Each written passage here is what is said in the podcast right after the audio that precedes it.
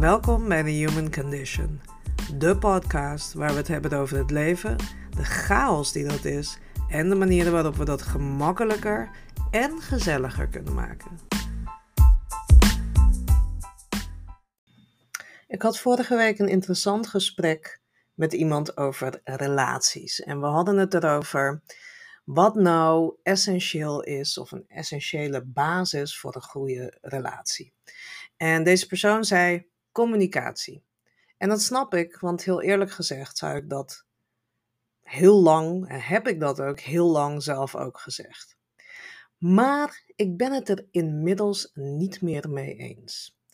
En uh, in deze aflevering wil ik het daarover hebben. Waarom communicatie op zichzelf niet de basis is voor een gezonde relatie.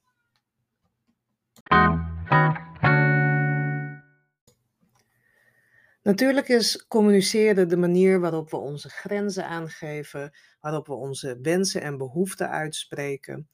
En er is op zichzelf ook niks mis mee. En sterker nog, het is absoluut belangrijk om te communiceren. Uh, en meestal wanneer we het over communicatie hebben, dan hebben we het over gesproken communicatie. Of in elk geval communicatie in woorden. Of het nou via WhatsApp gaat, via een brief, face-to-face, maar gesproken communicatie. En nogmaals, daar is op zichzelf niet echt iets mis mee. Maar het issue is dit. En ik, ik wil starten met een voorbeeld. Stel voor, ik heb een relatie. En mijn uh, vriend gaat regelmatig eten met andere vrouwen. Dat zijn gewoon vriendinnen van hem. Vindt hij gezellig, vindt hij leuk. Zit verder niks achter, maar ik word er onzeker van. Nou zou je zeggen, nou, zeg dat dan. Geef dat aan. Deel met hem waar je zit emotioneel. Dus nou oké, ik, uh, ik pak jullie advies gewoon op en ik uh, zeg, joh, we moeten even kletsen, want ik merk toch dat ik zo onzeker word van, um, ja, dat je steeds met, met vrouwen gaat eten. en um, dan zeg ik natuurlijk tegen hem, want je weet wel, ik ben volwassen en zo. Dus ik zeg, je hoeft er natuurlijk niks mee, maar ik wilde het gewoon even met je delen. Nou, Misschien hoor je het al een beetje, maar dat klinkt leuk. Maar zelfs als ik dat laatste niet zeg of wel zeg, dat maakt verder niet uit. De kans is heel groot dat hij vanaf dat moment, elke keer als hij een afspraak maakt, toch die woorden van mij door zijn hoofd hoort gaan. En als ik eerlijk ben, dan is natuurlijk het liefste wat ik wil op het moment dat ik nog niet bewust ben van mezelf, van mijn communicatie, van mijn eigen triggers. Als ik op dat moment dit met hem bespreek, noemen we het maar even. Ik weet niet of het echt bespreken is, maar dit aan hem meldt.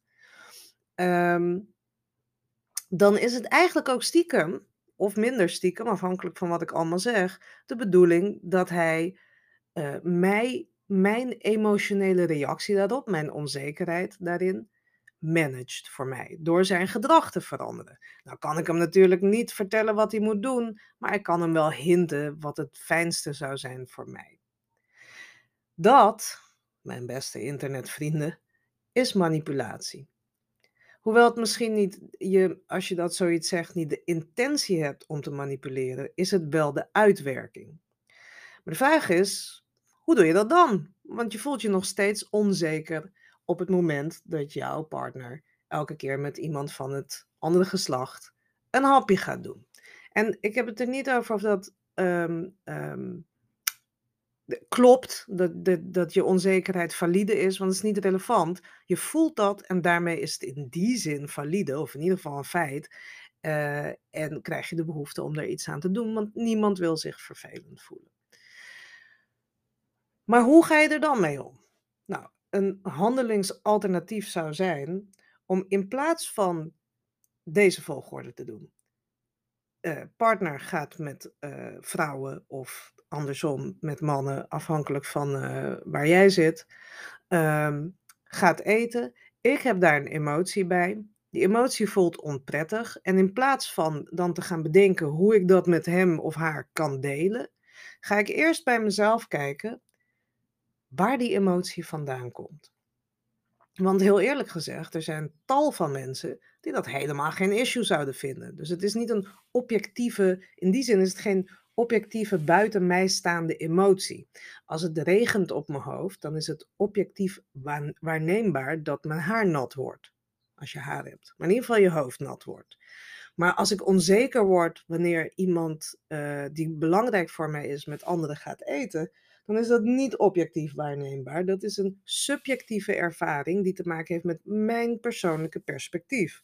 En mijn persoonlijke perspectief is daarin dan ook heel erg relevant.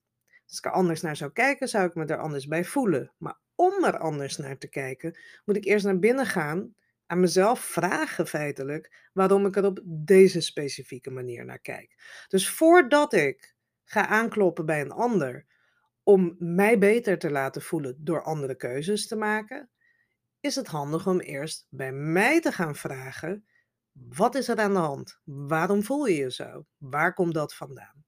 Dus de eerste stap is niet communiceren en proberen om dat ehm, eh, te managen. Om, nou, eigenlijk niet eens zelf te managen, dat is de eerste stap. Maar om de ander te vragen om jouw gevoel voor jou te managen, is de eerste stap naar binnen gaan en te kijken hoe je het zelf kunt managen, oplossen, helen, etc.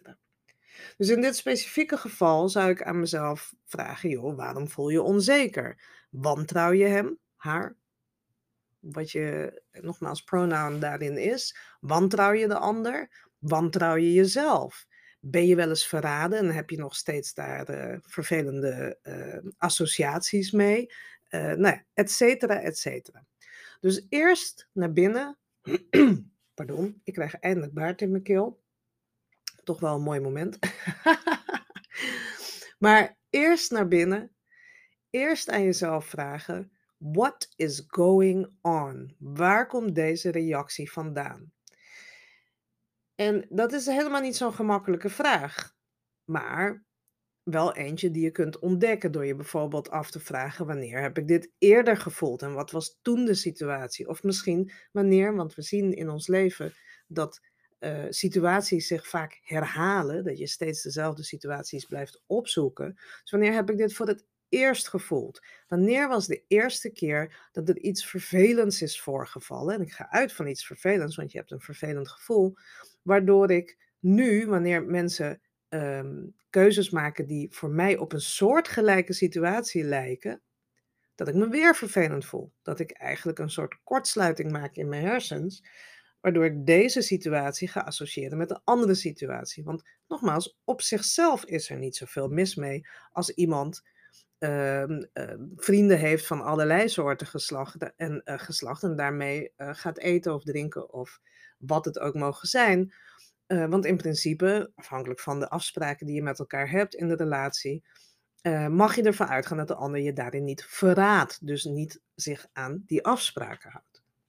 Dus dat is de eerste vraag. Wat is het waar ik nu aan moet denken? Waar reageer ik op? Wat is de trigger die hier wordt ingedrukt?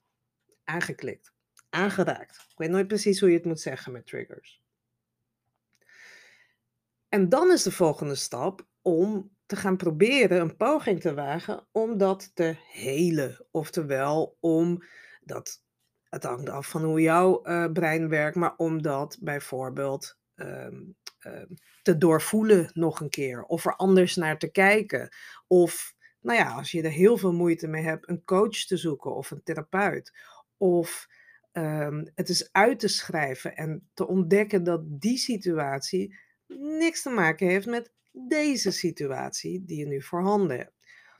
Dat hele kan je op verschillende manieren doen, maar het is relevant om dat te doen, in plaats van met je ogen naar buiten te kijken, wat op zich niet, uh, niet gek is als je dat doet, maar met je ogen naar buiten te kijken en te zeggen, de wereld moet op een bepaalde manier zijn, want als die niet op die manier is, voel ik mij vervelend. En wanneer die niet op die manier is, dan ga ik naar de wereld toe en zeg ik: Wereld, bros, wereldbro's, jullie moeten anders gedragen, je anders gedragen, want ik voel me vervelend. Dus, eerst naar binnen, uitzoeken wat er nou eigenlijk aan het gebeuren is. En dan pas bij bewustzijn van dat de trigger van jou is en niet zozeer buiten jou, zou je ervoor kunnen kiezen om te communiceren. Alleen voor mij, zeg ik theoretisch, ziet die communicatie er dan eerder zo uit. Hey partner, um, ik merk dat ik uh, getriggerd, geraakt, welk woord jij wil gebruiken, uh, getriggerd of geraakt wordt op het moment dat je dat heel vaak doet. En ik weet dat het mijn probleem is, dus je moet er oprecht niks mee. Ik ben er ook mee bezig, maar ik wil het je graag uitleggen, omdat het kan, terwijl ik er nog mee bezig ben, dat ik misschien nog een beetje raar reageer. Spreek me er dan ook op aan, want ik weet heel goed dat het mijn probleem is en niet dat van jou. Uh, dus spreek me erop aan als dat, als dat gebeurt. Uh, maar ik wil die een beetje meenemen in waar ik hierin zit. Dat is verantwoordelijkheid nemen voor je eigen gevoels- en belevingswereld. Dat is nemen, eh, verantwoordelijkheid nemen voor jouw stuk in de relatie. De ander kan je dan aanhoren. De ander kan ervoor kiezen om er rekening mee te houden. Maar daar ligt nu veel minder druk op om jou gelukkig te maken. het enige wat de ander doet, is, zoals je dat wel eens met, met iemand doet, is je een handje helpen. Misschien in de periode dat het nog lastig voor je is. Daar kun je het dan over hebben. In dat geval is communicatie geen manipulatie. Het is niet bedoeld om de ander zijn gedrag te laten veranderen zodat jij je beter voelt. Het is bedoeld om de ander mee te nemen in je uh, um, be belevingswereld en je misschien hier en daar uh, met een wat zachtere bril te bekijken. Als je het moeilijk hebt. Dat is niet erg. Dat is ook wel wat een relatie is. Dus ja, communicatie, tuurlijk. Ik zeg niet dat het niet belangrijk is. Maar het is, hangt wel van af waar die communicatie vandaan komt. Wat de bron is van die communicatie. En ook wat de bedoeling is van je communicatie. En mocht je nou wel denken, en dat kan, je hoeft het niet met me eens te zijn, dat communicatie de sleutel is voor elke goede relatie, dat het daar begint en eindigt, dan um, maak je het ook wel lastig. Want nou ja, ik weet van mezelf, ik ben echt bijzonder goed in communiceren. Dus als communicatie de nummer één regel is in de relatie, dan ga ik meestal het zover krijgen dat de ander mijn emoties voor me managt. Dat als ik me niet gelukkig voel, dat de ander daar dan iets aan moet doen. En met woorden weet ik die ander uit te leggen waarom dat zo is. En heel vaak is die ander het daar zelfs mee eens. Maar het is natuurlijk niet waar. Het klopt niet. De ander hoeft dat voor mij helemaal niet te doen. Communicatie, zuivere communicatie, zal ik het maar even noemen, um, wordt belangrijk op het moment, nogmaals, dat je je bewust bent van je eigen triggers, reacties, perspectieven en voor een deel ook de relativiteit daarvan, al is dat soms lastig. In het kort samengevat, wanneer je uit je eigen slachtofferrol kan stappen. Ik heb een gevoel, jij moet het voor mij fixen. Zo zal je het waarschijnlijk niet letterlijk denken, maar daar komt het wel op neer. En dan, vanuit die zuivere communicatie, kun je ook grenzen aangeven. Want als de ander er dan voor kiest om de dag nadat je hebt gedeeld dat je daarmee aan de slag bent en bezig bent en aan het werk bent, en die zegt: Ik heb vandaag 16 afspraken met andere mensen, dan is dat misschien een beetje grenzeloos. En dan kun je natuurlijk altijd communiceren. En sterker nog, soms heb je daar ook, of vaak heb je daar woorden voor nodig van: Nou, dat vind ik niet zo fijn. De, uh, hè, ik ben hiermee bezig. Ik neem mijn verantwoordelijkheid voor mijn eigen gevoel. Maar ik heb je hulp wel een beetje nodig. Het probleem is namelijk dat um, op het moment dat je elke keer naar buiten kijkt, dat je elke keer zegt: Ik voel me rot uh, door, iets wat, uh, door iets wat iemand buiten mij doet. En nu moet diegene buiten mij dat managen, dat fixen. Op het moment dat ze dat doen, op het moment dat ze ervoor kiezen om dat te doen, dan voel je je kortstondig beter. Dus uh, in hetzelfde voorbeeld zegt mijn partner: Weet je wat? Ik ga voorlopig, ga ik dan even niet uiteten met anderen. En dan even heb ik opluchting. Ah, ik hoef even dat gevoel niet te voelen. Ik heb overigens ook minder drive om er bij mezelf iets aan te doen. Dus je moet wel redelijk wat discipline hebben om dan nog steeds jezelf voor je reet te schoppen. En naar binnen te gaan en de juiste vraag te stellen en te helen en perspectieven te veranderen, et cetera. Maar de volgende keer uh, hè, als dat eenmaal, laten we het even zo noemen, geslecht is, dus die bron van onzekerheid is weggenomen. Nu voel ik me een tijdje goed, maar nu is er iets anders. Die, deze input heb ik niet meer. Jee, dat hebben we opgelost. Iemand anders heeft het voor me opgelost. Maar nu is er iets, iets anders. Nu komt hij elke keer laat thuis van zijn werk, want dan gaat hij met vrienden hangen. En nu denk ik, ja, maar wacht even, nu voel ik me weer vervelend. Want die ene input, mm, uit eten met uh, mensen van het andere geslacht. Nou, die is weg. Dus daar, dat, die is, daar, daar hebben we een drugs op gestopt en nou voel ik me chill. Maar nou is er een andere die nu ineens gaat opvallen toen die andere, uh, die eerder niet opviel. Wat ik wil zeggen daarmee is, het is net als drugs. Je voelt je heel even gepaaid door het lijntje, uh, het lijntje drugs wat je hebt gesnoven, namelijk dat jouw partner het heeft opgelost. Maar daarna begint het uit te werken, ga je weer om je heen kijken, ga je zeggen, nou, ik vind het leven eigenlijk nog steeds niet zo leuk. En nu ga je meer eisen stellen. Dat is de essentie van toxiciteit. Het is de start van toxiciteit. Het is namelijk daar waar je begint bij, hey, dit wat ook al mijn vriendinnen heel logisch vinden dat ik dat vervelend vind, daar moet je mee ophouden. De ander doet dat en nu denk je, ja oké, maar dit vind ik iets minder ver, maar nu is dit wat ik het meest vervelend vind, daar moet je ook mee ophouden. Kortom, je hebt steeds meer nodig. Je gaat steeds meer vragen. Kans is, is gewoon heel menselijk, dat je, um, um, als je attitude is dat een vervelend gevoel door een ander moet worden opgelost, dan moet je ook wel steeds meer gaan vragen. Zeker als die ander eraan voldoet. Dat maakt het alleen maar erger. Want er gaan steeds meer dingen opvallen. In de rust van de ene trigger die weg is gevallen, gaan andere, soms kleinere, soms gewoon andere triggers ineens opvallen. Dus op die manier je realiteit managen door, door anderen te laten managen is een recept voor rampzaligheid. Of zoals ze in het Engels zeggen, a recipe for disaster. Het is nooit klaar, het is rupsje nooit genoeg.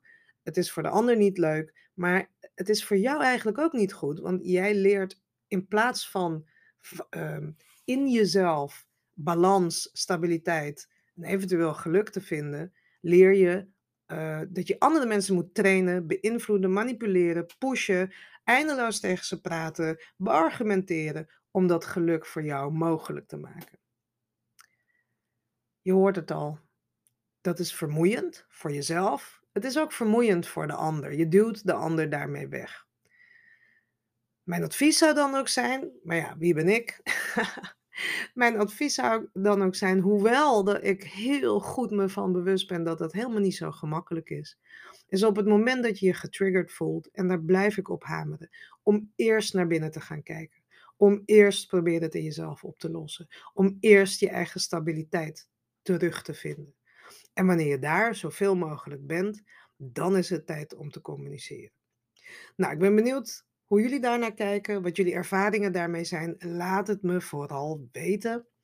Uh, bezoek mijn website Loyal Heart Coaching. Vind me op uh, Facebook onder Saviera. ik heb weer een beetje schorre keel, maar dat overleven jullie vast wel. En ik spreek jullie weer bij de volgende podcast.